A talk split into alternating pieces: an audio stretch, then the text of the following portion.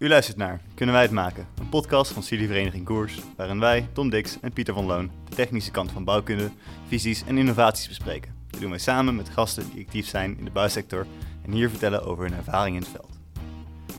Duurzaamheid is een centraal thema in de bouw tegenwoordig.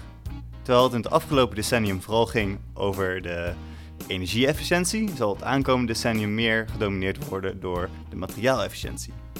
In eerdere afleveringen hebben we al besproken hoe levenscyclusanalyses kunnen helpen met het inzichtelijk maken van eh, de impact van materialen. Ook hebben we het gehad over hoe een sectorbrede afspraak zoals het betonakkoord kan helpen bij verduurzamen van materiaal. Vandaag gaan we kijken naar een andere oplossing voor een duurzame bouw, namelijk biobased bouwen en circulariteit.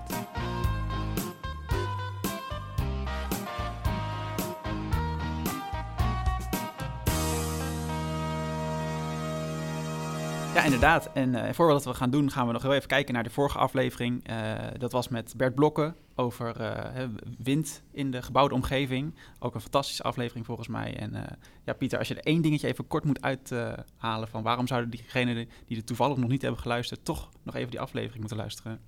Het is ontzettend fijn, want als je nog nooit een vak over wind hebt gehad, krijg je in ieder geval een beetje een idee van hoe windval nou werkt en waarom je zoveel windhinder uh, ervaart bij uh, hoge gebouwen. En dat vond ik wel, uh, ik vond het zelf heel interessant om dat te leren en een beetje gevoel te krijgen voor die principes die daarachter zitten. Mm -hmm. En daarnaast was het natuurlijk ook gewoon een geweldige vent die mooie anekdotes heeft en een paar minder subtiele uitspraken. Dus mm -hmm. zeker de moeite waard. Ja, ja, denk ik ook. Ja, het is misschien een beetje makkelijk slaaggekeurd zijn eigen vlees, maar toch maar even een een absolute aanrader. Het is een uh, fantastische gast inderdaad, Bert Blokken. En uh, de hoeveelheid clichés inderdaad. En, maar ook het, wijde palet aan onderwerpen inderdaad. Het, we, gingen natuurlijk, we proberen het zoveel mogelijk op de gebouwde omgeving te gaan. Maar het is zo verleidelijk om ook over, over sport, waar hij over doet. Over COVID, waar hij heel veel onderzoek naar doet. En ook in de, in de media verschijnt. Dus uh, en een fantastisch verhaal. Dus als je die nog niet hebt geluisterd, vooral even checken. Maar zoals je gewend bent, nog even blijven hangen, want we hebben nu ook een hele leuke gast uh, met een heel leuk onderwerp. En die ga ik ook eerst even introduceren.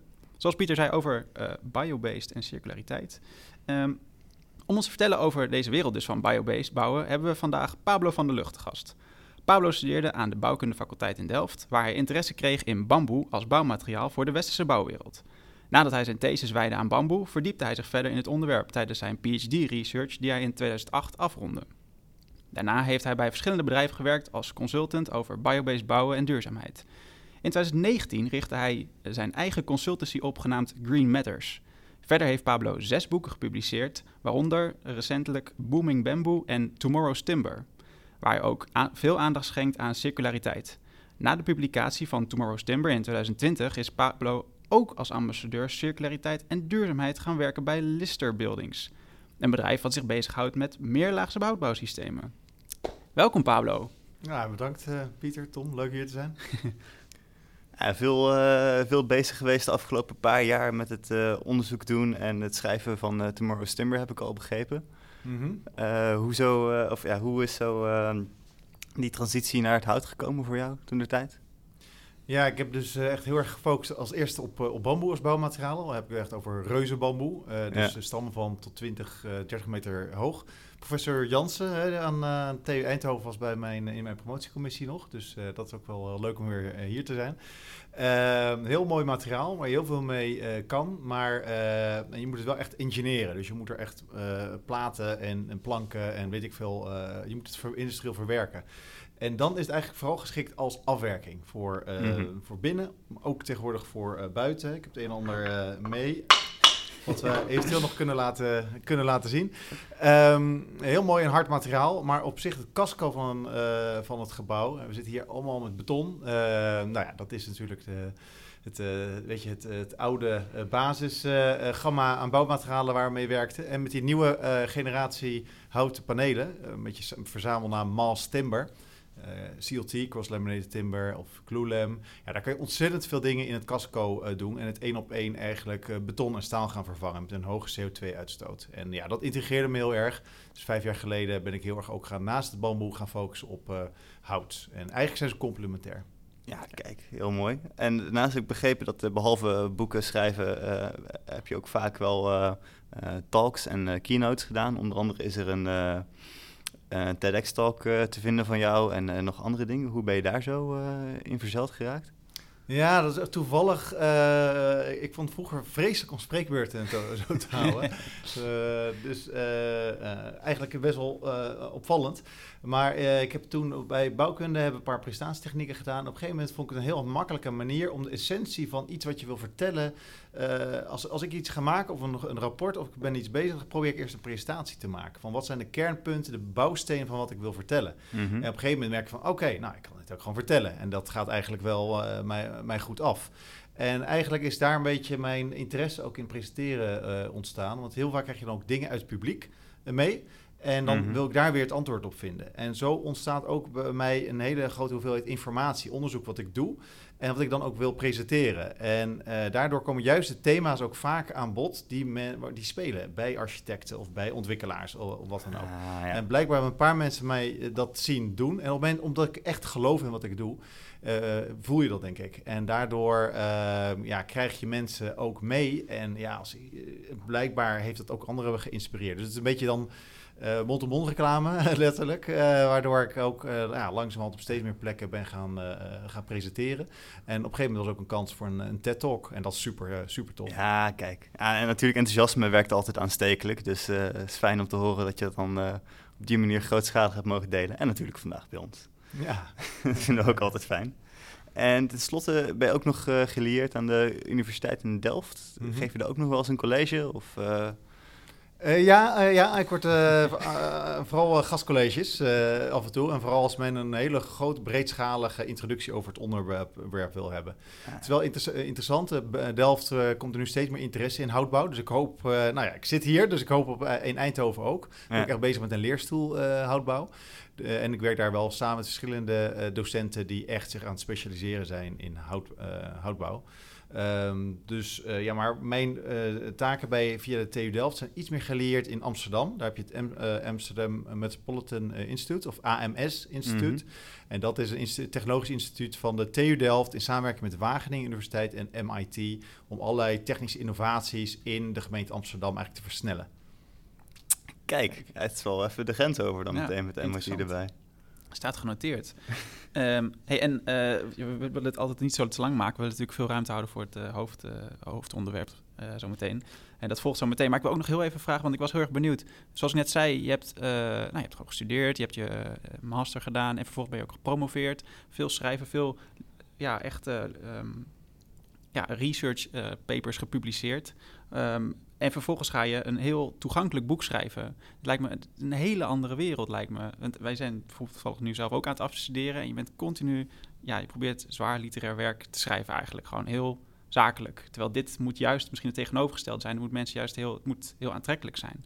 Was dat nog voor jou een lastige switch? Ja, dus je refereert naar het boek Tomorrow's Timber, wat ja. uh, voor je ligt. Ja, die ligt naast me inderdaad. Uh, overigens daar net de Nederlandse vertaling van uit, de houtbouwrevolutie. Mm -hmm. um, nou ja, kijk, toen ik ook uh, promoveerde, toen dacht ik ook van, ik heb toen gepromoveerd op de milieu-impact van ingenieur uh, bamboe. Mm -hmm. En ik dacht mhm. van, oké, okay, ik heb dus een proefschrift geschreven en dat gaat heel veel reuring veroorzaken. Ja. En misschien een beetje naïef, want je merkt dan, dat is heel leuk en het heeft ook relatief nog veel publiciteit gehad. Maar heel vaak belandt zo'n zwaar wetenschappelijk boek gewoon in een en er gebeurt niet heel veel ja, mee. precies. Dus juist daarom ben ik ook wel weggestapt uit de wetenschap. Kijk, ik vind het belangrijk om één voet in de wetenschap te houden, maar ik vind het belangrijker om impact te maken. Dus mijn andere voet staat gewoon in de industrie en daar wil ik ook daar gebeurt het in feite. Mm -hmm. Dus dat is ook precies waarom ik wel op een wetenschappelijke basis de getallen uh, goed wil hebben. Dus als je kijkt in Tomorrow's Timber achterin staan 250 bronnen, wetenschappelijke bronnen.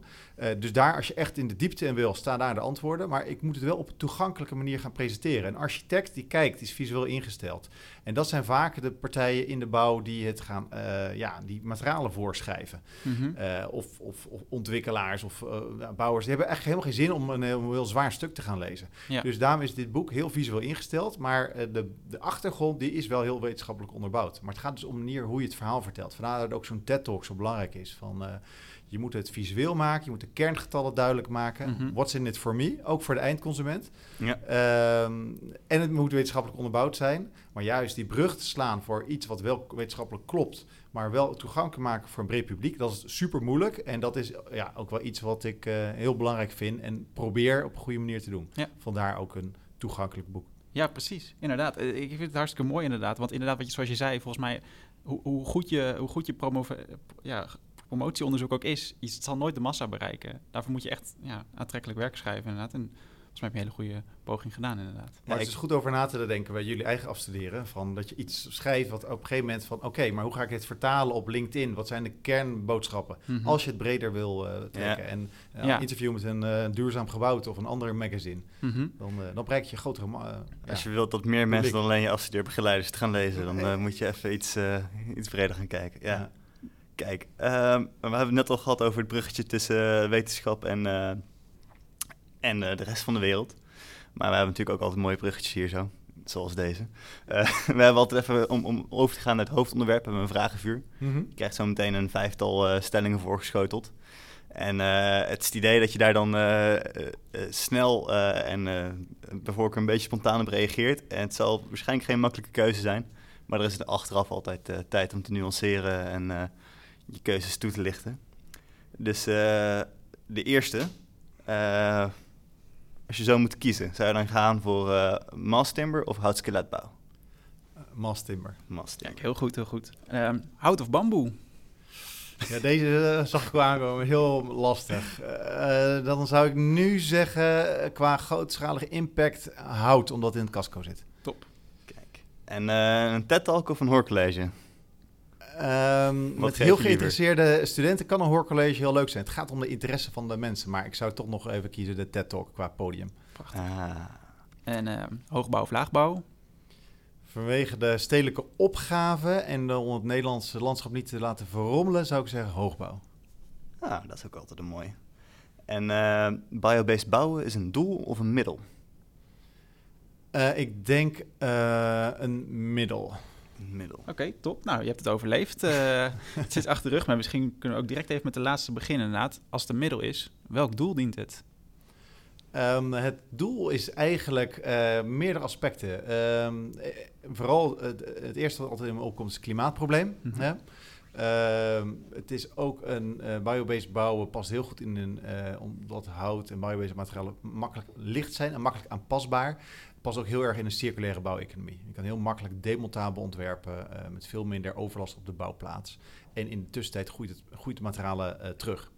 Dus circulariteit is heel belangrijk, dus de grondstoffenschaarste. De andere dus dat die, het klimaatproblematiek. Uh, biobased materialen door de fotosynthese slaan CO2 op in het materiaal zelf. Dat geldt voor hout, geldt voor bamboe, geldt voor kurk, geldt voor eh, alle mat- materialen. Tegenwoordig wordt dat ook eh, Construction Stored Carbon genoemd. Daar heeft ASN net een interessant rapport over uitgebracht met eh, de Climate Cleanup. Ehm, eh, en, en CO2-opslag in de bossen. Het komt allemaal duurzaam beheerde bossen, het hout wat we hier gebruiken voor dat mass timber. Dus je hebt CO2-opslag in de bossen, CO2-opslag in de gebouwde omgeving. Dus ja, daarmee tackle je echt een stuk van het klimaatprobleem. En een heel interessant onderzoeksveld eh, waarvan ik denk dat eh biobased bouwen heel goed bij past, is gezondheid. Biophilic design. Dus je, je ziet dat veel mensen die in een houten gebouw werken of, of, of leven, ook zelfs gezondheidszorg gebouwen sneller herstellen, hoge productiviteit hebben, lagere stressniveaus. Dus ook die eh, eh, connectie met eh, gezondheid is een derde. Dus het, het leidt tot minder eh, klimaatproblematiek, hoge circulariteit en meer gezondheid. Nou, dat zijn mooie doelen, lijkt me. Kijk, ja, dat zijn al eh, drie flinke speerpunten. Eh, voordat we de hele tijd verder dieper op ingaan, we hebben het al redelijk behandeld, maar wat verstaan we nou onder biobased bouwen? Ja, vrij simpel zou ik het eigenlijk zeggen dat je gewoon werkt met hernieuwbare materialen. Dus materialen die, eh plantaardige materialen die teruggroeien in een vrij korte cyclus. Dus eh, dat, dat geldt ook nog voor hout. Hè. Daar heb je cycli van 50 tot eh 100 jaar. Maar zeker voor een materiaal als, als bamboe met een cycli van 4 à 5 jaar. Of echt hennep en vlas, andere biobased vezels die zelfs een jaarlijkse cyclus hebben. Ja. En daarmee bouwen, dan ben je biobased aan het bouwen. Kijk, dat is een goede om te hebben. En eh, nou, een, een van de moeilijke eh, vragen uit het vragenvuur eh, was net dus ook hout of bamboe. Wat is er zo mooi aan bamboe? Het, het mooie van bamboe, en dat was ook mijn fascinatie toen ik eigenlijk mijn afstudeerstage deed in Costa Rica. Ik was toevallig een sociaal woningbouwproject, wat toevallig met bamboe, echt puur toeval, met bamboe werkte. En ik was op zo'n, in, in, in een bamboebos in, de, in het groeiseizoen. En die bamboestammen, dat is dan een, een die tot 30 meter hoog groeide, de Guadua angustifolia. En ik was daar de ene dag en een, een dag later, ja, ik, ik, ik, toon het hier aan met mijn handen, maar uh, uh, was diezelfde scheut echt een halve meter hoger. Dus enorme groeisnelheid, echt bizar. En ehm, ja, als je, ik, ik, heb een paar samples mee, heb ik jullie al laten voelen. Dit materiaal is harder dan hardhout. En uh, het groeit sneller dan de snelste eucalyptussoorten. Dus de groeisnelheid is iets wat ontzettend interessant is uh, van, het, uh, van het bamboe. Mm -hmm. Je hebt meer materiaalproductie per hectare dan welk materiaal dan ook. Okay. Maar als je, als je aan bamboe denkt, dan denk je vaak aan een, een cocktailbar of dergelijke constructies. Kun je daar ook echt serieus mee bouwen? Ja, jij denkt aan een tiki-hut. En, uh, Bijvoorbeeld. Die, uh, uh, het, is een, nou, het is wel interessant. We, hier in Eindhoven hebben wij toen als onderdeel van mijn promotieonderzoek... juist dat imagoprobleem een beetje willen weghalen. Dus door hippe ontwerpers met bamboe te laten werken. Dat het niet suf hoeft te zijn. Want het hangt natuurlijk gewoon af. Het is gewoon een mooi bouwmateriaal. En als de verkeerde mensen ermee gaan ontwerpen... dan krijg je Xenos meubels of koloniale rotzooi. En uh, dat is juist wat je wil voorkomen. En dat project Dutch Design Meets Bamboo. Uh, dat is ook een reizende tentoonstelling met uh, designplatform Eindhoven. Dus mm -hmm. hartstikke leuk om hier in die zin ook hier terug te zijn. ja, dat, dat, dat liet zien ook van de bamboestam dat je hele hippe, gave producten kan maken. Dat was eigenlijk ook meer interieurontwerp en meubels die daarvan werden gemaakt. Dus het hangt echt van de ontwerper af hoe je ermee aan de gang gaat. En hiervoor, ja, de producten die ik nu hier bij me heb, dat zijn recht, recht, rechthoekige uh, panelen en balken. Mm -hmm. Dat lijkt gewoon op, dat zijn eigenlijk uh, ja, rechthoekig bouwmateriaal. Dus dat zijn platen, ja. uh, planken, balken. Dus daar mm -hmm. past precies in het palet van ja, ook houtbouw waar ja. je mee zou kunnen bouwen. En als ik het zo zie, als je dit op straat aan iemand vraagt van wat voor materiaal is dit? Ik denk dat, gok dus bijna wel 100% ernaast zit wat, uh, dat het bamboe uh, is. Ja, die zeggen tropisch hardhout. Ja, precies. Oh, wat een mooie hout is dit. Ja, daar, daar, daar, ook qua eigenschappen Mhm. mm -hmm. lijkt het ook op. Het is zelfs harder dan tropisch hardhout, dit gecomprimeerde bamboe. En, uh, maar ja, het groeit wel heel veel sneller. Dus het blijft een waanzinnig gaaf uh, materiaal. Alleen voor de bouw is dit... Uh, met bamboe werk je altijd met kleine stripjes. En met hout werk je, ga je natuurlijk van een grote, massieve stam. En daar kan je veel makkelijker grote planken uithalen. Ik heb hier een blok cross-laminated timber bij me. Je kan je voorstellen... Uh, hier heb je allemaal grote naaldhoutplanken uh, voor nodig. Als je dit met bamboe uit allemaal kleine stripjes gaat opbouwen, wordt het en heel duur. En het is eigenlijk ook niet echt efficiënt. Eigenlijk gebruik je een te mooi materiaal voor, voor, ja, voor eigen heel grootschalige uh, toepassing. Mhm.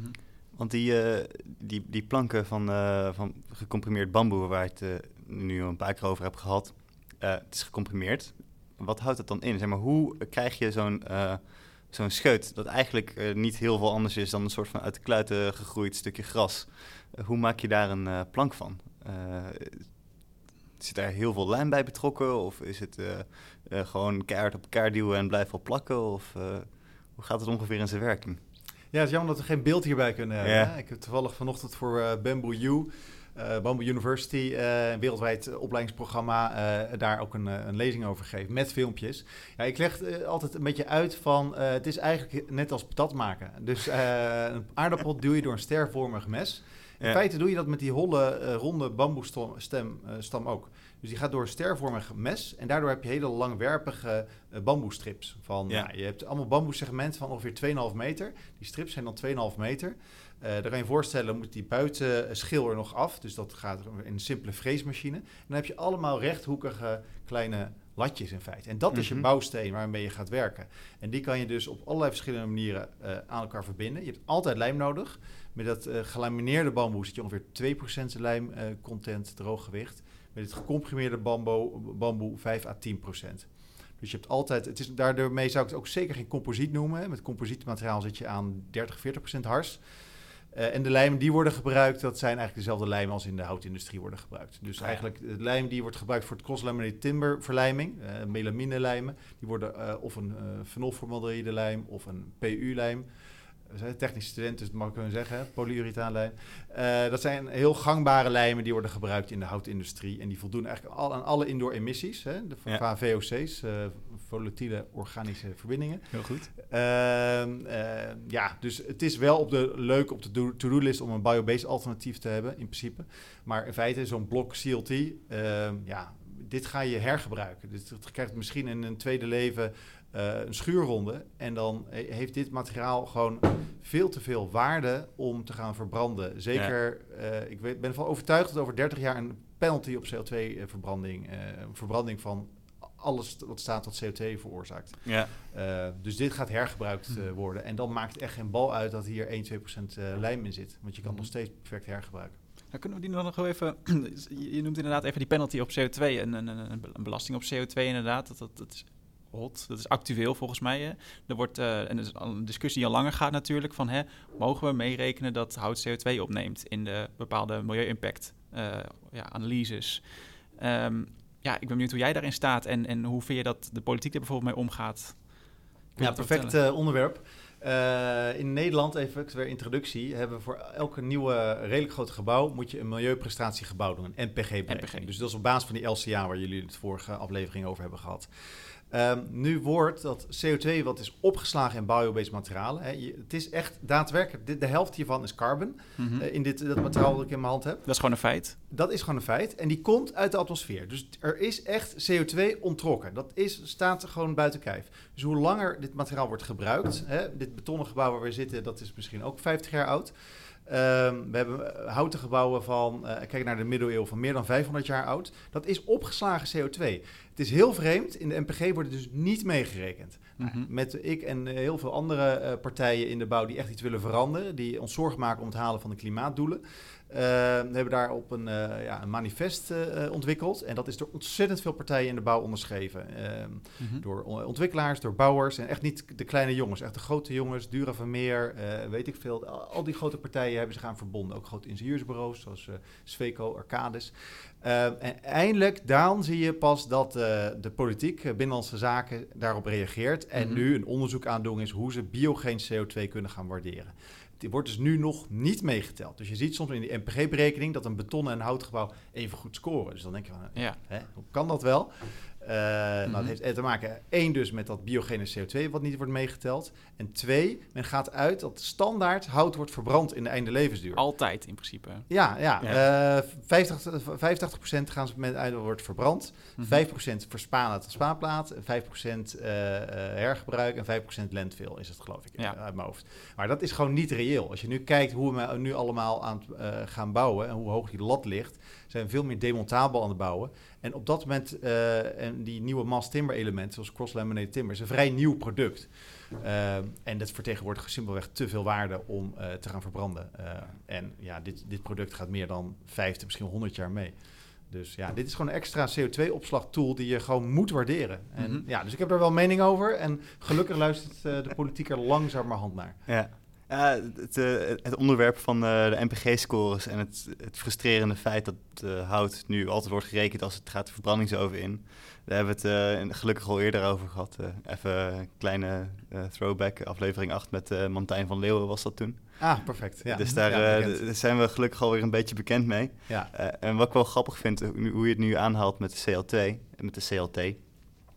ik heb een tijdje stage gelopen bij Luning, een, een houtbouwconstructeur. Ja.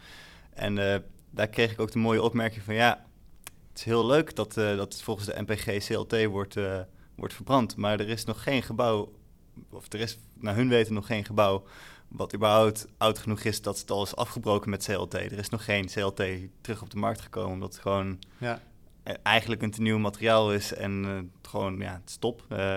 als het in de jaren 80 gebouwd is, dan zou het al heel oud zijn. Ik weet niet, en zelfs dat is nog niet eens zo oud.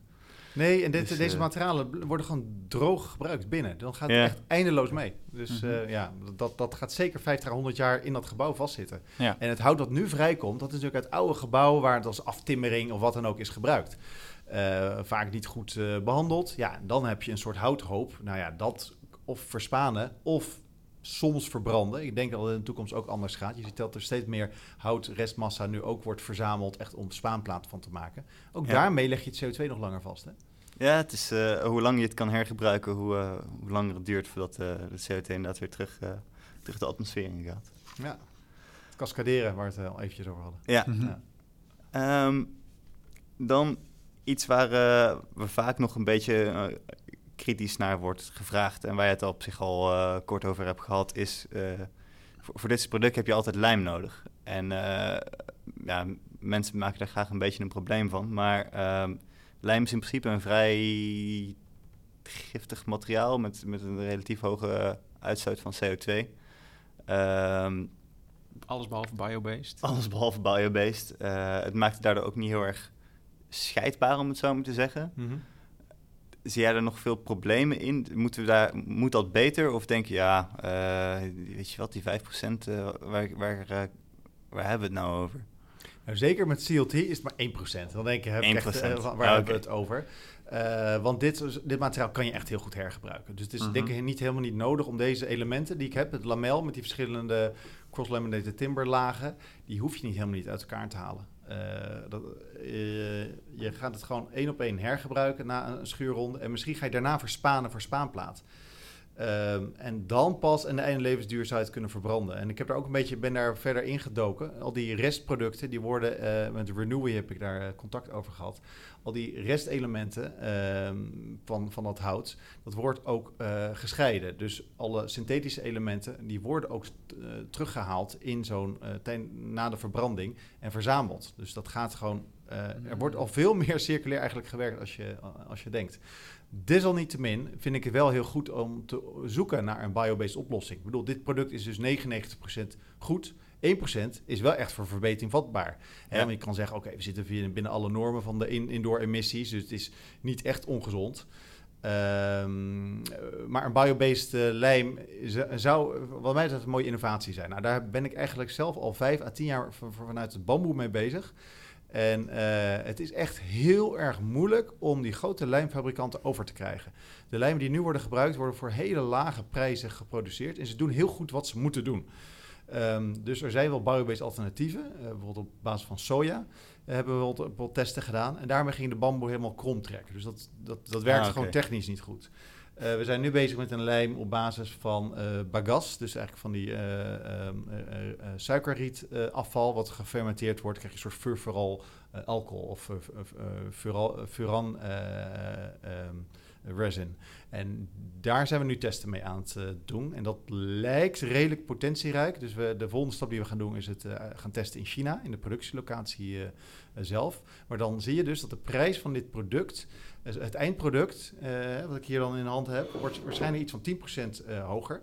En de kwaliteit in de, qua dimensiestabiliteit, hè, krimpt wel, wordt ietsje lager. Ja. Dus het is heel een afweging van wil je als consument een product wat iets minder goed is, wat iets duurder is, uh, dus iets beter voor het milieu, um, maar iets minder goed presteert. Wil je daarvoor betalen? Nou ja, dat is... Uh, dat is moeilijk te verkopen wellicht.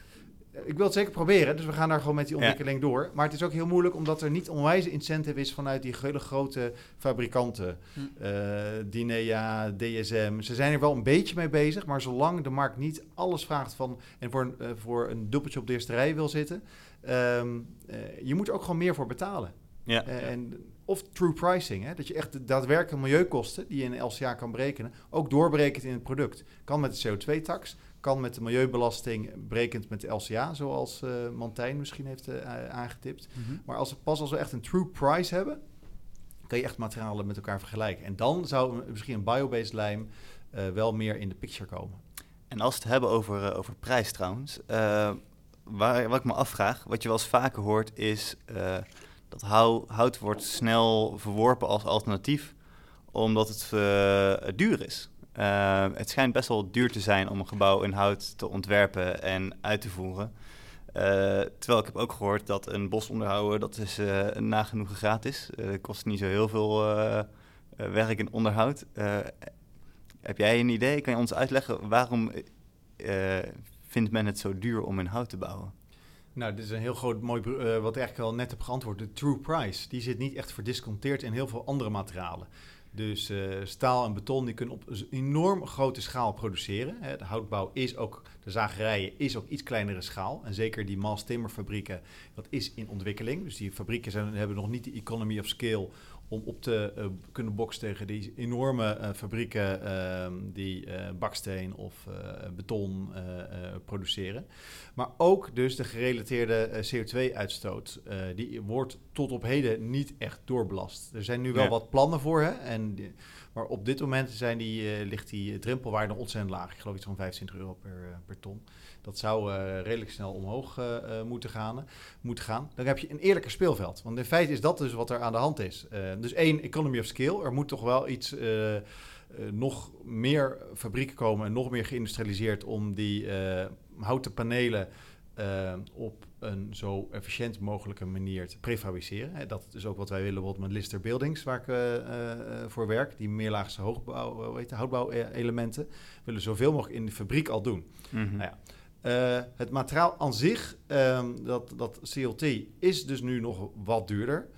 Um, ik ben het niet helemaal met je eens, denk ik, met de, de bossen. Daar zal uh, echt, als je met een uh, duurzaam uh, bosbeheer, met een FSC of PFC keurmerk, dan zit er echt wel een price premium op. Dus daar betaal je ah, ook voor. Maar dat is ook logisch, dan weet je ook dat alles goed zit qua biodiversiteit, CO2-opslag behoudt in de bossen.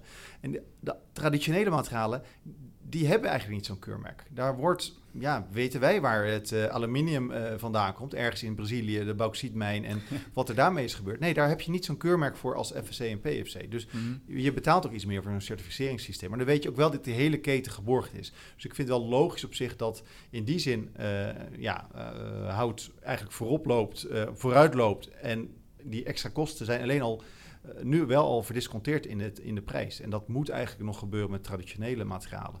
Nou ja, en daarbij opgeteld moet je wel bedenken dat die eh, houten gebouwen... die worden veel sneller in elkaar gezet. Dus wat we met Lister doen, dat zijn echt helemaal geprefabriceerde elementen. Met de wandopeningen zit er al in, de elektriciteit-elementen zit er al in. Het, de bedoeling is dat de sanitaire units al, in, uh, al geprefabriceerd zijn. Dus zo'n bouwplaats wordt bijna een assemblageplaats. Uh, de bouwtijd van een bijvoorbeeld Hotel Jakarta, dat allemaal uit houten modules in Amsterdam is mhm. opgezet. Ja, die, die, die, het betonnen kaskel was op de bodem, de kelderconstructie gaat heel langzaam.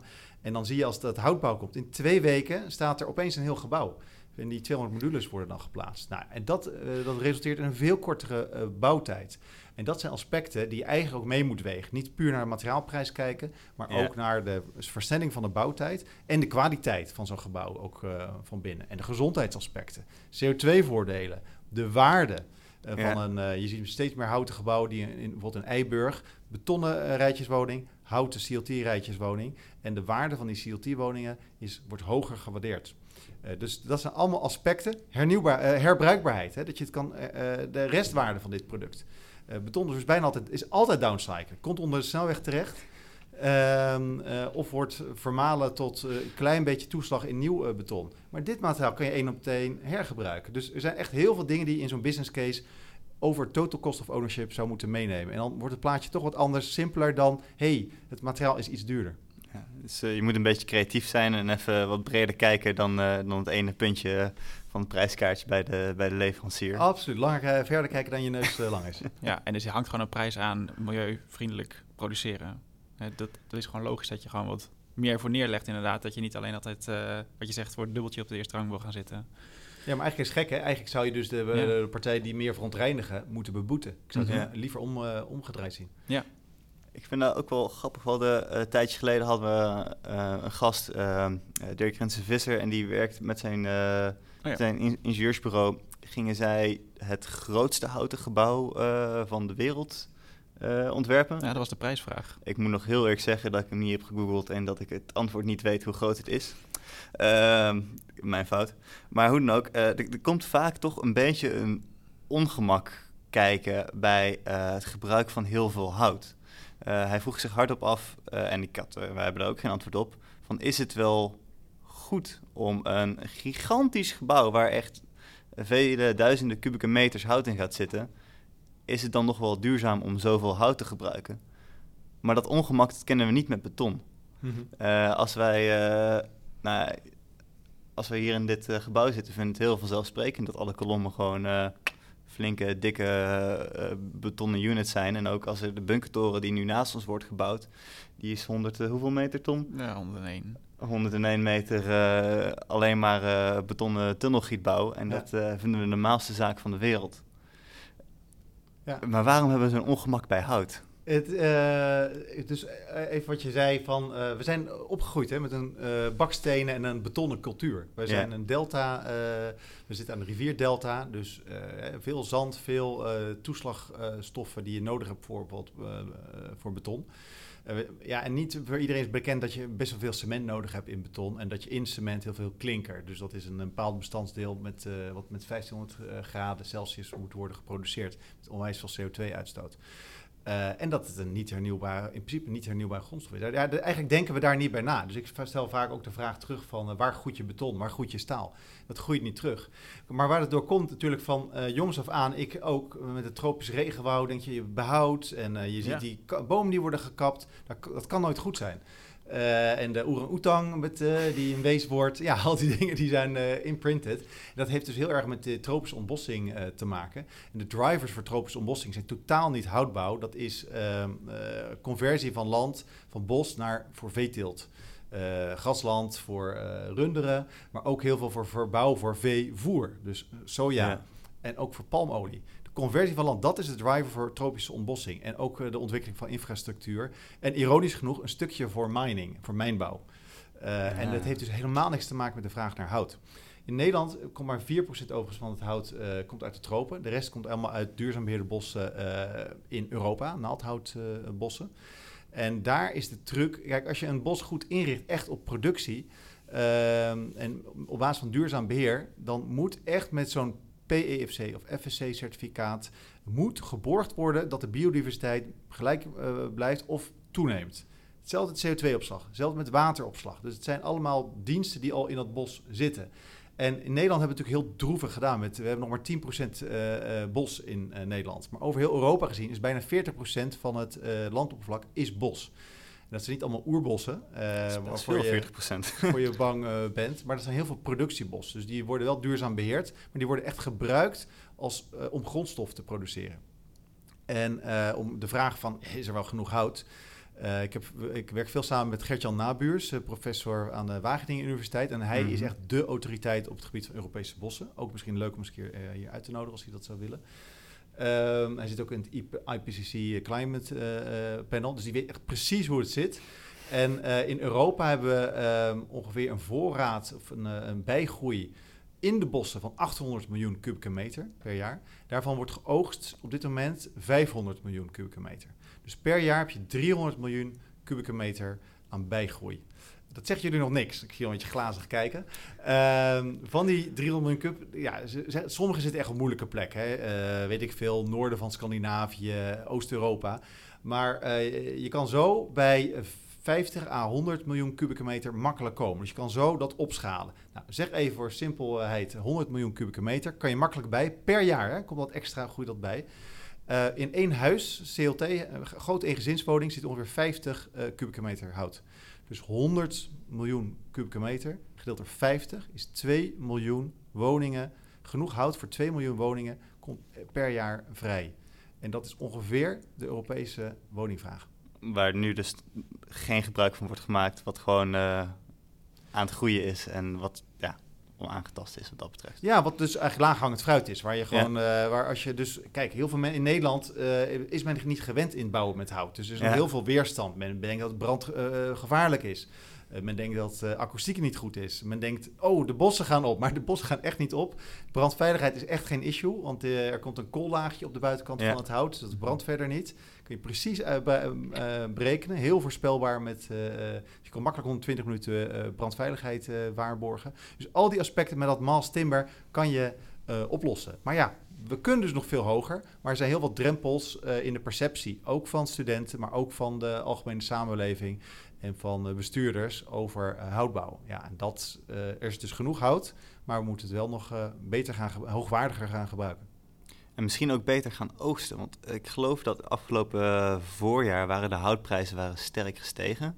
En dan zou dat ongetwijfeld ook te maken hebben gehad met ja, het coronavirus, dat daardoor gewoon veel fabrieken stil hebben gelegen en dat veel mensen, ja, iedereen moest thuiswerken. Gaat voor sommige beroepen iets minder makkelijk. Um, maar als ik me niet vergis, kwam het ook deels doordat uh, de Amerikaanse marktvraag uh, de Europese markt een beetje overspoelde, omdat daar dan weer nieuwe regelingen kwamen voor, uh, En biocentrales, als ik me niet vergis. Ja, dat was een heel interessante combinatie van factoren die daarvoor een uh, schaarste zorgden. Dat is niet alleen voor hout, ook voor uh, kunststof en ook voor staal, de prijzen. En je ziet dat nu trouwens de betonprijzen ook erg aan het stijgen zijn. Dus het heeft gewoon te maken met een enorme bouwwoede die er heerst. Ja. Dat, sowieso, dat is de basissituatie. Uh, Daar kwam bovenop inderdaad drie zaken. Eén, uh, corona, uh, waardoor inderdaad, ik leg het al uit, is echt meer dan genoeg uh, hout in de bossen. Alleen de bottleneck wordt dan die zagerijen. En die zagerijen, die hadden juist inderdaad, die dachten van nou, corona, we gaan eventjes op onze lauweren rusten. Maar juist daardoor gingen veel meer mensen klussen. Uh, en de bouwpraktijk ging juist als enige wel door, accelereerde zelfs. Dus de vraag naar hout werd hoger. Uh, en überhaupt naar bouwmaterialen. En die zagerijen hadden gedownsized. Dus er waren meer mensen uh, echt losgelaten. En het schijnt dus dat daar best wel een, qua elasticiteit in timing, dat je daar echt wel een paar maanden nodig hebt om, de, om die zagerijen weer helemaal op, op, uh, op stoom te krijgen. Dus dat was een, een factor. Dus inderdaad een tekort aan beschikbaar hout, doordat de zagerijen de capaciteit hadden verlaagd. Maar het gekke was, nou, Trump had met Canada een soort uh, handelsverbod gedaan, of een grote belasting op hout uit Canada. Terwijl Canada de grote leverancier van hout is in aan Amerika. En daardoor is Amerika gaan sourcen in Europa. met veel, ja, ook met, waardoor een soort prijzenoorlog ook ontstond. Tegelijkertijd, ook China heeft heel veel hout nodig en heeft ook nog extra hout uit Europa opgekocht. Dus daarmee werd eigenlijk het volume wat al klein was door die beperking in de zagerijen, werd ook nog eens een keer veel meer uh, vraag was daarnaar vanuit Europese markt, Amerikaanse markt, Chinese markt. Waardoor dat alles bij elkaar echt de prijs heel veel heeft opgevoerd. Maar dat zie je nu al flink terugzakken. Lijkt wel als een uh, goede, goede aanzwenking voor uh, het probleem oplossen waar ik het eerder over had. Dat hout nog een beetje een economy of skill kan gebruiken. Nou, blijkbaar is de vraag goed genoeg voor een opschaling. Dus zie je daar ook wat nieuwe trends in? Voor zover je weet, komen er meer zagerijen bij. hout is al een tijdje hot topic natuurlijk. Um, dus de zagerijen, daar, daar op zich zit er volgens mij best wel, is die capaciteit daar wel redelijk. Mm -hmm. uh, maar dit is een wel goede vraag voor Gert-Jan Nabuurs uh, uh, aan zich. Maar waar weer meer de bottleneck in zit, is dan heb je mooi gezaagd hout. Um, en daar kan je dan gebruiken voor houtskletbouw. Maar je wilt eigenlijk liever voor mass timber, want dan kan je echt de hoogte in. Hè? Ik had, noemde net al hoogbouw. Ik denk, ik, zie echt heel veel potentie in uh, inbreiding in de steden uh, met, met, met, met hoge gebouwen. Maar het kan ook gewoon optoppen zijn, hè? met één, twee verdieping van bestaande betonnen gebouwen. Uh, dat, dat is ook een hele mooie toepassing. maar dan heb je dus wel meer CLT-fabrieken nodig. De capaciteit in Europa is nu geloof ik iets van 1 miljoen kubieke meter. Hm. En er komt, wat ik al net al zei, iets van 500 miljoen kubieke meter hout vrij. Dus ja, daar kunnen echt nog heel wat uh, mastimmerfabrieken uh, bij komen. Dus is er een CLT-fabriek in Nederland? Uh, nee, wel net over de grens. Uh, iets van 5 meter over de grens is er een uh, fabriek. Oké, okay. dus elke CLT, ook dat blok wat je voor je hebt liggen, dat is niet in Nederland geproduceerd? Klopt. En dat gaat hopelijk gebeuren. Als er zo'n vraag toe gaat nemen, dan ja, is het interessant. zeker, maar je moet wel genoeg hout hebben. Je moet genoeg bos hebben. Ja. En in Duitsland heb je ook echt heel veel bos. Iets van 35% van het oppervlak is uh, bos, het Zwarte Woud. En er, dus ja, ik vind het echt geen probleem. Als je hier uh, 100, meter, 100 kilometer vanaf uh, Eindhoven rijdt... Dan zit je in Westerkappelen mm -hmm. of in Niederkruchten. en daar heb je twee CLT-fabrieken. Okay. Dat, ja, dat is 100, 150 kilometer rijden. Dus eigenlijk is dat echt peanuts mm -hmm. ten opzichte van andere bouwmaterialen. En je zegt dat het is, omdat daar is gewoon veel meer hout om te verzagen. is het realistisch, is het interessant in jouw opinie om hier een paar weilanden of heel veel weilanden dan in te zetten voor houtproductie? om daar bouw, bomen te planten. Super. Uh, ja, nee, ik denk zeker, wij moeten, als je kijkt naar de problematiek in Nederland, en zeker die de enorme uitstoot van de veeteelt, mm -hmm. daar, ja, en we produceren heel veel vlees voor andere landen. Uh, en wij zitten met stikstofproblemen en CO2-problemen, de methaan. Dus nou, ik denk dat we over eens zijn dat we daar echt een transitie nodig hebben. En wat is dan mooier dat die boeren worden omgeschoold en um, bosbouw en uh, gaan, uh, gaan uh, plegen. Maar misschien beter nog, want bosbouw heeft wel een lange ja. adem nodig. Hè? Je bent zo 50 à 100 jaar verder. Maar goed, op het moment dat je het boompje plant, gaat het al groeien. En heeft, neemt het al CO2 op. Maar ik zie in, in, in die zin voor Nederland veel meer in biobased grondstoffen. Dus mm -hmm. vlas en hennep en olifantengras. Mm -hmm. dat zijn allemaal snel groeiende gewassen. Waar je heel veel vezels uit kan halen. Lisdodden, dat kan mm -hmm. zelfs op natte gronden. Hè? Uh, doordat uh, we heel veel, heel veel land verdroogt, waardoor uh, ook veel CO2 vrijkomt -hmm. door veen dat oxideert. Nou ja, ah, ja, het liefst wil je dat nat houden. Wat voor gewassen kunnen groeien op natte landbouw? Dat is bijvoorbeeld lisdollen. Dat zijn die grote sigaarplanten, weet je wel. Ah. En die zijn ah. supergoed om isolatiemateriaal van te maken voor, mm -hmm. voor de bouw. Dus dan heb je allemaal elementen die je ook heel goed kan gebruiken in de Nederlandse bouw. -hmm. die waarde creëren, die CO2 opslaan en de boeren een nieuw verdienmodel geven. Ja, is eigenlijk de oplossing van de 21ste eeuw misschien wel. Want je bundelt twee sectoren in één keer die beide problemen oplost. Op een duurzame exact. manier. Dat, absoluut. ja, ja. Echt de toekomst. En het, waarom zou het niet nu gebeuren? Of gebeurt dit ook nu echt massaal? Nee, nee, dat moet dus. Daar zit echt aan het begin van een transitie. We mm -hmm. weten, we moeten iets toch doen met, uh, met, met, met de veeteelt ja. en, de, en de boeren die in opstand komen.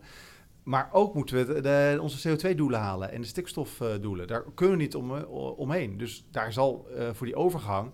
Uh, het verdienmodel is natuurlijk heel interessant van, uh, van vlees. Je hebt heel snel short-term gain. Mensen willen veel geld betalen voor vlees. Ja. Maar ja, dus daarom is ook daar zo'n CO2-tax super belangrijk. En een ja. subsidie natuurlijk voor de boeren om te kunnen. Om mm. zo'n transitie te kunnen maken naar echt een nieuw verdienmodel. Daar ja. moet ook kapitaal voor beschikbaar komen. Leuk. Wat ik me ook nog uh, even, eigenlijk echt even wilde benoemen in deze podcast, wat ik een heel aansprekend voorbeeld vind, is, uh, wat net over voor fabrieken en zo, en in Europa en zo. Maar um, wat de afgelopen jaren, nou, voor mij is in ieder geval, voor velen volgens mij een interessant voorbeeld was, was Caterra in Amerika. En Caterra was volgens mij voor velen ook echt het veelbelovende, kijk, dit, deze gaat even laten zien hoe de houtbouwrevolutie uh, in Amerika zich gaat voltrekken. Alleen ze hebben het niet gered. Ja. Kun je even aan de luisteraar uitleggen wat Caterra precies was, is en waarom het niet gelukt is? Ja, Caterra uh, is een, zo'n Silicon Valley uh, start-up, skill-up, waar ontzettend veel geld in is gepompt. Ja. En die wilde een soort catalogus woningen uh, maken op basis van groot, groot, grotendeels op basis van CLT. -hmm. Um, en wat ik begrijp, maar er zitten ook allemaal een soort financiële investment consequenties aan hoor, dat het zichzelf een beetje heeft opgeblazen. Uh, maar wat ik vooral begrijp is dat zij de totale keten wilden integreren. Dus zij uh, wilden uh, ook die CLT-fabriek eh, hebben. En ook de assemblagefabriek. En het plaatsen. Mm -hmm. terwijl mensen waren grotendeels met beperkte houtbouwkennis. En dan zie je dat dat gewoon te veel dingen is die je wilt doen. En dan meer van schoenmaker blijft bij je leest. Maar er zat iets met een financiële bubbel in. Dat, dat weet ik ook. Mm -hmm. Maar aan de andere kant was, als je, als je kijkt naar de keten, ze hebben gewoon te veel uh, chain integration willen hebben. Te veel dingen zelf willen mm -hmm. uh, doen. Uh, laat, als ik nu even kijk, kijk bijvoorbeeld naar Lister. Wij willen echt niet een CLT-fabriek, maar wij willen die panelen hebben. En op een slimme manier elementen ontwerpen. Zowel 2D als 3D. waardoor wij heel snel tot 10 lagen hoog een heel duurzaam gebouw in elkaar kunnen zetten mm -hmm. zelf. Maar ik, we hebben echt niet de ambitie om zelf een CLT-fabriek te hebben. Ja, precies. Niet die hele ketenintegratie uh, aanpakken, inderdaad. Interessant. Dat is, uh, is tot nadenken. Uh, want jullie, ja, de CLT-fabriek is niet interessant, maar welke onderdelen voor die 2D en 3D-elementen worden dan daadwerkelijk gemaakt in, uh, bij Lister? Of wat, wat zijn de stappen die, die, die jullie dan doen daarmee? Uh, daar zit dus heel veel in het ontwerpen. Dus we hebben ja. ook een uh, architectuurteam. En waarbij je dus precies de goede verbindingen maakt. die en demontabel en dus circulair zijn. De goede materialen kiezen, de goede biobased isolatie. Dus heel veel zit in de engineering. Ja. En uh, ja, die dan op een goede manier dus bestellen. Dus van de CLT-fabrikant kan je ook heel vaak al de panelen op precies de maat bestellen. met doorboringen. En uh, uiteindelijk, uh, uh, wat wij doen, zijn de, de laatste bewerkingen. Maar in feite is dus heel veel zit in het engineeren en het ontwerpen van die elementen. Waardoor we ze straks op de bouwplaats echt super snel in elkaar kunnen gaan zetten. Wat altijd wel ook een interessant en moeilijk onderwerp is met hout, is, is geluid. Mm -hmm. de geluidsscheidenheid van ja, een materiaal houdt gewoon het meeste geluid tegen als het veel massa heeft. Mm -hmm. En een van de mooie eigenschappen in principe van hout is dat het vrij licht gewicht is. Ja. Dus daarom uh, wordt er altijd een beetje moeilijk naar gekeken als het gaat om, uh, uh, om, om meerlaagse woningbouw, zeker met appartementengebouwen en zo. Ja. heeft, heeft Lisse daar een, een handige oplossing voor? Of hoe pakken jullie dat aan? Nee, dat is heel goed. Dit is precies als je hebt, mensen hebt over houtbouw, denk je brand is misschien een probleem of nou, de bossen. Dat is echt allemaal geen issue. De, de grootste uitdaging is abso absoluut akoestiek omdat het materiaal vijf keer lichter is dan beton, waarmee gewend zijn te bouwen. En zeker met de meerlaagse woningbouw, waarbij je natuurlijk de, de bovenburen uh, liefst zo min mogelijk wil, uh, wil horen. Vrij strenge eisen ook, uh, geloof ja, ik. Ja, klopt. Die zijn allemaal wel haalbaar, maar zoals Luning, die, ja, je hebt echt wel vaak goed, een goede akoestisch adviseur nodig. Je kan op verschillende manieren. je kan akoestisch ontkoppelen door elastomeren te plaatsen tussen de elementen, dat er niet doorgaande wanden naar boven zijn, waardoor contactgeluid kan ontstaan. Mhm. Eh, het hangt er dus een beetje af van welke oplossing je wil gebruiken. Accepteer je een vrij dikke CLT-vloer, uh, dan kom je al heel end. En dan kan je bijvoorbeeld een... Um, God, ik ben de naam heel even kijkt. Uh, recticel-achtig. Uh, ik, zeg, ik heb de naam even, uh, even niet helemaal paraat. Dan kan je een soort geperste plaat toepassen. Maar wil je bijvoorbeeld dunnere vloeren gebruiken, dan zal je op een gegeven moment bijvoorbeeld een splitkalk of een schuimbetonnen dekvloer moeten gaan gebruiken. Uh, om de massa toe te voegen. Mm -hmm. uh, voor die akoestische eisen te halen. Dus het is vaak een palet aan maatregelen wat, je, wat nodig is. Er zijn meerdere wegen die naar Rome leiden. Dus ja. dat hangt heel erg af van je uitgangspunten en hoe je het wil, wil gaan doen in feite. Het klinkt dan een beetje zonde om beton te moeten gaan gieten op je houten vloer om de geluidseis te halen. Ik heb als concept wel eens gehoord, waarom zou je er geen zand op kunnen leggen? Mm -hmm. kan dat? Gebeurt dat? Ja, nee. Waarom niet eigenlijk? Ja, volgens mij is uh, zand niet zwaar genoeg. In feite, niet dan je heel veel zand. En zeker met uh, hoge... Uh, ah, ja. het gebouw Stories in Amsterdam-Noord. Dat is net opgeleverd, 12 verdiepingen hoog.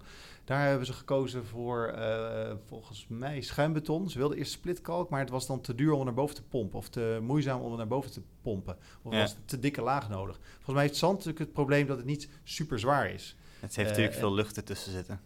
Ja, het is niet, beton is uh, 2400 kilogram per kuub. En zand is al, wat zal dat zijn? 16, kilo, denk ik. Nou ja, dus dat, heb je weer een dikkere laag nodig. Ja. En natuurlijk elk centimeter kost heel veel geld, omdat je gevel dan ook hoger moet. Je hebt een mhm. bepaalde vaste hoogte nodig in je woningbouw, van uh, 260 zeg maar. Dus dan wordt die gevel een stuk duurder. En dat is dus precies ook, hè, waar ik het over had, met waar Lister, waar we ook mee uh, worstelen. We kunnen een volledige houten oplossing bieden, maar dan wordt de dikte hoger, wordt de gevel hoger, uh, iets groter en heb je dus hogere kosten. Wil de consument dat betalen? Meestal niet. Ze willen dan toch vaker, ze willen al de optie bieden van wat kies je? De duurdere volledige biobased variant mhm. of eentje met een deels betonnen uh, ontwikkeling.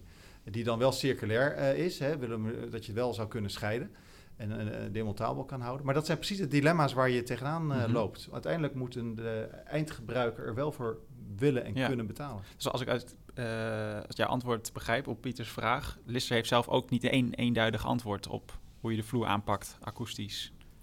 Er zijn nee, meerdere oplossingen. Nee, er zijn meerdere oplossingen. Maar het is altijd wel een uitdaging om het te halen. Je moet best wel maatregelen nemen die ja, soms wel kostenverhogend zijn. Maar dat vind ik wel leuk om te horen trouwens, dat je die, uh, die betonnen toplaag die je soms toepast voor akoestisch, uh, akoestische eisen, uh, je probeert hem wel circulair te maken en demontabel. Dus is er dan nog een, een, uh, een extra tussenlaag voor? Het wordt niet direct op het hout gestort, dan stel ik me zo voor, of hoe, hoe wordt het circulair? Um, nou ja, dus een, daar zijn we echt met uh, List Architecture mee aan het uh, puzzelen. Ah, dus we, een van de ideeën is dat je gewoon een element als totaliteit herbruikbaar maakt. Dan heb je een soort hybride uh, element. Wat CLT en beton is. Wat als één op één als hybride element hergebruikt kan worden. En net zoals dat kanaalplaten in principe ook hergebruikt kunnen, kunnen worden, zou je dan je, je, je, je ja, je houten vloer met betonnen geluidsijs als compleet volledig element één op één uh, ja, her willen gebruiken. Dat is één van de gedachtenlijnen. Maar liever hebben we hem eigenlijk totaal dus in, in, uh, in hout. Mm -hmm. uh, en gaan we hier niet aan. Ja. Maar het laat zien, en, en ik zie dat ook een beetje net met de elektrische auto. Hè? van nu langzamerhand, omdat we eerst de hybride auto hadden, heeft dat wel de situatie gecreëerd waardoor de elektrische auto nu echt kan gaan floreren. Dus je hebt ook een transitieperiode nodig. Dus misschien heb je al even te maken met een soort hybride uh, zeker voor de vloeren, hybride hout-beton uh, elementen. Ik wil dat nog heel even bijnoemen ook van, we zijn nu misschien wel heel streng tegen beton en staal. Kijk, je moet ook niet, je, elk materiaal heeft zo zijn sterke punten. Dus beton is natuurlijk onwijs goed voor drukkracht en bijvoorbeeld voor liftschachten en uh, super durable. Dus het is ook natuurlijk heel goed voor fundering en redelijk hoge, lange overspanningen. Dus bijvoorbeeld op, voor, voor grotere hoogtes um, begaande grond, parterre met grote overspanningen in combinatie met staal. Dat kan prima. Dus eh, ik denk, soms moet je dan anders zoveel hout toepassen met kleinere overspanningen, dat je afvraagt van, is dit, hebben we wel zoveel bos om dat te doen? Dus ik ben wel echt voor het juiste materiaal op de mhm. juiste plek. Als je het maar losmaakbaar ontwerpt en als beton ook maar, en staal ook maar hun verantwoordelijkheid nemen en ook echt het beton niet gaan downcyclen, maar het echt gaan terugnemen en één op één gaan hergebruiken. Ja. Precies, dus als ik je goed begrijp, ook, ik vind het nog leuk om even over die uh, laag- en hoogbouw te praten, waarin je het voor hoogbouw uh, koos. Um, er zijn natuurlijk al een aantal projecten, het is, is ook enorm actueel, uh, hoogbouw. Het is nu de vraag hoe je definieert je hoogbouw, maar hout is natuurlijk een relevant project in Amsterdam, bijna opgeleverd volgens mij, 70 meter geloof ik. 73, 73. hout, ja. Ja, precies. Um, inderdaad, HUT. Ehm, als, ik als ik het even goed zeg, en dan moet je me even corrigeren, anders. Betonnen kern, houten vloer en de gevel is vooral glas. En er zit ook nog, is het een volledig houten vloer? De houten wanden en de vloer is weer een hybride. Ze hebben uiteindelijk daar toch voor die een hybride oplossing uh, gekozen. Ja. Dus uh, inderdaad, volgens mij 10 centimeter CLT en dan ja, ook een paar centimeter beton bovenop. Mm en is het ook weer zo'n gevalletje van, er is nog een, een, hybride vorm, net als de elektrische auto, en dat wordt langzaam elektrisch? Of denk je van, als ik een, in, de, in, de, in de woningtypologie 70, 73 meter hoog, ik mag het voor het zeggen hebben, zou, zou je dan ook die elementen met diezelfde materialen gebruiken? Of welke keuzes zou jij maken? Ja, het is ook een hele spannende ontwikkeling. Uh, sowieso hout, hoogbouw en hout. Uh, je ziet, uh, en op verschillende plekken in de wereld worden andere concepten ontwikkeld. Mm -hmm. Dus uh, Michael Green, in, hè, die veel hoog, architect die veel hoogbouw in Amerika heeft ontworpen. Die heeft een bepaalde, ligt ook uit in het boek, een systematiek ontwikkeld samen met een ingenieursbureau tot 30 verdiepingen hoog.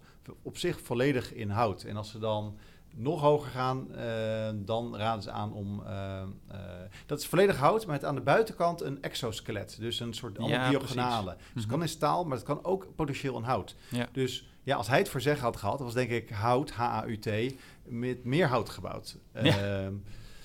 Maar goed, uh, ook weer andere eisen. Daar heb ik niet genoeg inzicht mhm. in het proces eh, zelf. Ja. Uh, hout HUT is natuurlijk echt top of the beeld. Dus dan wil je de allerbeste akoestiek hebben. Wil je echt je bovenburen niet eens voor een geintje horen. Die appartementen gaan volgens mij voor een miljoen per stuk of nog meer. Dus ik kan me voorstellen dat ze daar... Dit is best wel een nieuwe ontwikkeling. Dat ze dan mhm. het zeker voor het onzekere hebben gekozen. En nog steeds te ontzettend veel uh, houdt in. Dus dat is misschien een heel mooi voorbeeld van die transitie met de hybride auto naar elektrische auto. Nou, hout, als het opnieuw ge, uh, ontworpen zou worden, zou dat misschien uh, over, over tien jaar wel volledig in hout zijn. Oké, dus ook die kern, die de betonnen kern kan het wel vergeten. Dat mag nou, ik denk, ik zou de liftschacht wel gewoon in beton doen. Maar dan wel, kijk, ja, als je echt de hoogte in gaat, bijvoorbeeld Triodos Bank heeft een volledig houten liftschacht. Ja. Hè, dus het kan wel, maar uh, ik denk dat het op een gegeven moment een soort optimum is. Ja, aan Triodos Bank is drie, vier lagen. Exact. Zes. Oh, volgens mij. Oh, nou, ik me niet vergis. Dat nemen ja, we terug. weer dubbel, hè? Oké. Misschien leuk om uh, Dojanne Vermeulen van uh, Team V Architecture, mhm. Architecture uh, uit te nodigen. Die hebben hout ontworpen. Oké. Heb je ook zijn vrouw in de uitzending. Want ik neem aan dat de technische vakken allemaal, allemaal mannen zijn geweest tot nu toe. Of, het is vrij man gedomineerd. We doen ons best. We doen ons best. maar het is lastig. Ja, maar ja, vrouwelijke gasten zijn, suggesties zijn altijd welkom. Mm als ik nog geen vraag mag stellen, ik heb uh, zeker nog eentje die ik hier op uh, de tong heb branden. Nou, het is namelijk, als ik even kijk naar, oké, we gaan het dus over biobased hebben. Uh, wat doet Eindhoven over biobased? We krijgen zelf ook een college over biobased, maar het is maar een college. en dat is dat de biobased brug, die bestaat volledig uit hars. Ik weet niet of je er ooit eens van meegekregen. Die is een tijd als proefopstelling, heeft hier over de dommel ook gefunctioneerd. Die staat momenteel in het lab. Krijgt hij sensoren om, om spanning uit te lezen. En er wordt volgens mij ook een, een, een, tweede iteratie van gebouwd. Hoe kijk je naar die trend van, van bio, bio-based harsbruggen bijvoorbeeld? Um, ik vind het uh, interessant. Het hoeft niet direct een vervanger te zijn, denk ik, voor, uh, voor hout. Uh, je hebt andere vormetaal. En vooral op het moment dat je reststromen uit ehm, ehm, uit de bosbouw, uit de landbouw, uit het plantsoenendienst. Er komen heel veel biomassa komt daar vrij. En als je dat echt in plaats van verbranden echt hoogwaardig kan uh, opwaarderen naar resins of uh, andere biochemistry, uh, dan is dat een super goede ontwikkeling. Mm -hmm. En dan zou ik niet zeggen ook of-of, ik zou en-en. Er zijn natuurlijk heel veel bruggen van, van staal en andere niet hernieuwbare materialen die wellicht heel goed vervangen kunnen worden door allerlei biobased oplossingen. Dus dat mm -hmm. is hout, maar ook een biocomposiet, prima daar zal, in, bij dat project zal uh, ook het, de harscomponent wel heel belangrijk zijn. Ik denk dat je tegen dezelfde issues aanloopt met die biobased hars, dat daar nog een heel groot fossiele, ja. fossiele component in zit. Ja, precies. Dat kon ze ook geen 100% garanderen volgens mij. Ja, ja. En daarom is het een mooi uh, onderzoeksproject voor een universiteit natuurlijk. Uiteraard. Ja, ik hoop uh, dat er hier ook echt een... Uh, in, in, Delft zijn we steeds meer aan het focussen op, uh, op houtbouw en biobased bouwen. Dus ik hoop echt dat Eindhoven ook die handschoenen oppakt en die potentie ziet. Mm -hmm. Zon, super zonde dat die leerstoel van professor Joris een paar jaar geleden is opgedoekt. Ja. ja. Je had hier een leerstoel over houtbouw en het is ja. net te vroeg opgedoekt, denk ik. Ja, en, het is de, de vraag... Zoveel kansen, zoveel beleggers willen met houtbouw. Sinteres Achmea heeft net een positiespeler, de grootste belegger van Nederland, een position paper, waarom grote pensioenfondsen in houtbouw moeten investeren. Mm -hmm. Dus uh, ja, als jullie, uh, als, als er een paar beslissers in Eindhoven op bouwkunde dit horen, zou ik zeggen, ook een leerstoel biobased bouwen zo snel ja. mogelijk openen. Ja, ik heb mezelf ook afgevraagd inderdaad, van het is echt marginaal hier, de, de, de houtbouw die nu wordt vertegenwoordigd. We mogen blij zijn volgens mij dat we één docent hebben. Uh, terwijl dat eigenlijk helemaal totaal niet afspiegelt met de trend ja. uh, in de wereld. Ja, dus enorme kansen vraag, liggen daar. -hmm. De vraag bij studenten is ook echt hoog. Dus ja. uh, ik hoop inderdaad dat iemand dit nog luistert en daar iets aan kan doen. Ja, ja, ja absoluut inderdaad. Ja. Nou, leg het voor aan de decaan. Ja, nou, dat is wel grappig inderdaad. Want on, laat onze decaan nou net een betondocent zijn. Mm. Theo Slet, onze eerste gast ook van de...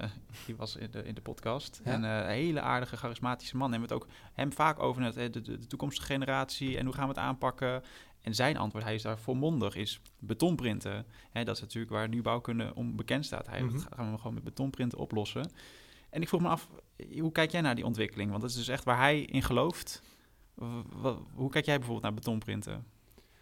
Um, ik denk dat de grote truc zal zijn, is dat, dat betonprinten dan hoop ik dat je dan daardoor, weet ik veel, net wat andere bestanddelen kan gebruiken. Dat je misschien minder klinker, want dat is, daar, dat is de CO2-uitstoot zou kunnen gebruiken. Mm -hmm. uh, en dat je dus meer kan uh, werken op een demontabele manier, echt circulaire manier. Dat niet al beton echt onder de snelweg als toeslagmateriaal uh, belandt, maar het echt hergebruikt kan worden. Ja. Uh, maar daar weet ik eigenlijk te weinig van. Okay. Zijn. En ik denk dat de oplossing komt, niet alles gaat uit hout komen, niet alles uit biobased. Dus elk materiaal zal moeten innoveren. Ja. Dus dat geldt voor metalen, geldt voor kunststoffen, geldt voor uh, beton. En beton is by far de, in volume uh, de, de, de, het belangrijkste bouwmateriaal. Mhm. Dus, en dat zullen we ook elkaar nodig hebben. En het heeft ja. ook hele goede eigenschappen. Maar Ja. het moet veel circulairder. Precies, dus zodra een, een, een, een dus alternatief voor het vervuilende beton, bijvoorbeeld een geopolymeer beton, meer intrede uh, doet in, in Nederland en de, de, de, de, de staalfabrieken gaan vooral op waterstof over en dus ook een hele lage CO2-reductie of een grote CO2-reductie krijgen, dan sta je ook gewoon op de stoel te springen. Zeker. En, en, en we hebben alles nodig. Moeten ja. we, het, we hebben ook niet genoeg uh, uh, bos om alles in hout te doen. Mm -hmm. En ik denk ook niet dat het uh, efficiënt is. Want dat komt misschien nee. wel weer terug op eigenlijk die, die, die laatste vraag bij het vragenvuur van hè, doel of middel.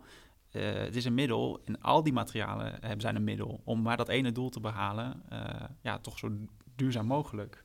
Uiteindelijk moeten we natuurlijk uh, CO2-neutrale economie hebben en een circulaire economie. En uh, moeten we alle zeilen voorbij zetten. Ja, dat is het doel. En het is wel heel leuk dat het ook nog eens een keer heel mooi en prettig is om in te leven. Ja, zeker. Dus uh, als die betonnen, geprinte gebouwen ook een hele mooie vormentaal kunnen hebben, kan het een hele mooie combinatie misschien zijn mm -hmm. met, met, met, met, met hout en met ja, glas. En met, uh, maar het moet ook weer circulair zijn. Dus ja, nee. Uh, we moeten op naar een circulaire, klimaatneutrale uh, bouw. Super. Ik vroeg me nog af, even, even luchtig eindigen en dan kom, mag jij zo okay, afsluiten, okay. Pieter.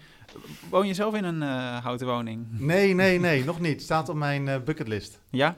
Maar het laatste, ik woon in de omgeving Amsterdam. En uh, in Amsterdam is er een hele grote ambitie om veel meer in hout te bouwen. Dus de Green Deal uh, houtbouw is, uh, wordt getekend midden oktober door de Mhm. MRA, Metropoolregio Amsterdam. Er zitten ongeveer 30 gemeentes, waaronder Amsterdam, eh, in. En die eh zet echt in op 20% houtbouw in 2025. Nou, dat is mega, want nu is het ongeveer 2%. Ja. Ja. Dus dat is echt een waanzinnige eh, ambitie. Want ik merk nu, nu is het gewoon heel moeilijk om een houten woning eh, te maken. Of je moet echt hele grote, ja, je moet echt zelf een flinke Mhm. pot geld meenemen om zelf iets te kunnen ontwikkelen, ontwerpen. Maar ja, nu zitten echt grote projectontwikkelaars zoals BPD, die willen helemaal inzetten op houtbouw. Dus dan komen woningen in het middensegment eh, beschikbaar op, op Mhm. grote schaal. Ja, dan, dan gaat het echt rollen. Ja. Dat is wel echt eh, trouwens een mooie bold move van Amsterdam. Gewoon, hup, over een paar jaar eh, 20% hout. Precies. Dat is echt, eh, ja. dat schiet tenminste We op. gaan niet wachten op de overheid. We gaan het gewoon zelf doen. Ja, Ja, ja, maar dat, ja, zij zijn natuurlijk ook een overheidsinstantie, alleen een iets kleinere schaal. Nee, maar ze doen het heel erg samen met allemaal marktpartijen. Ja, Dus die moeten het gaan doen en zij proberen condities te scheppen. Dus eh, heel vet. met, met grond ter beschikking te stellen en dat soort grondposities. Nou, echt Oké. super interessant. Absoluut uh, moeite waard om te volgen. Kijk. Nou, uh, dan tenslotte, na dit mooie nieuws, heb jij nog misschien een, een, laatste advies voor, voor, voor, studenten en, en ja, net beginnende werkers die, die, die meer in biobased willen doen of meer willen ontwerpen?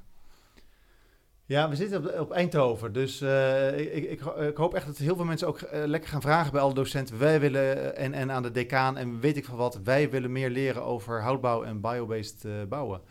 En los dat, wij hebben heel veel technische aspecten nu benoemd. Hè? Mm-hmm. Maar wat misschien onderbelicht is, je kan onwaanzinnig mooie constructies maken in hout. En niet voor niets hebben heel veel mensen een houten tafel. We hebben hier, het is helaas, ik voel het al, het is uh, wel houtprint, maar het is uh, laminaat.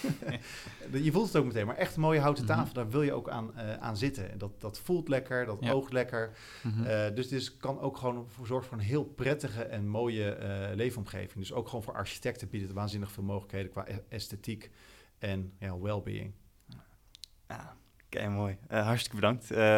Fijn dat je zo tijd voor ons hebt gemaakt en hier wel komen. Het was weer een mooi gesprek. Nou, mooi. Graag gedaan. Ja, dankjewel. Inderdaad, ja. ja, ook bedankt vanuit mij. echt topgesprek inderdaad. Alweer.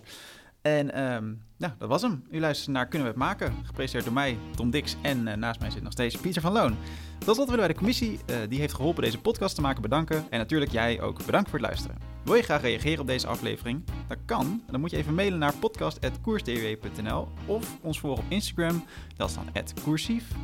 Recenseren kan bij iTunes. Dat helpt ons bij het verbeteren van de show en anderen bij het vinden van de podcast. Over twee weken zijn we weer terug met een nieuwe aflevering. Voor nu bedankt voor het luisteren en tot ziens!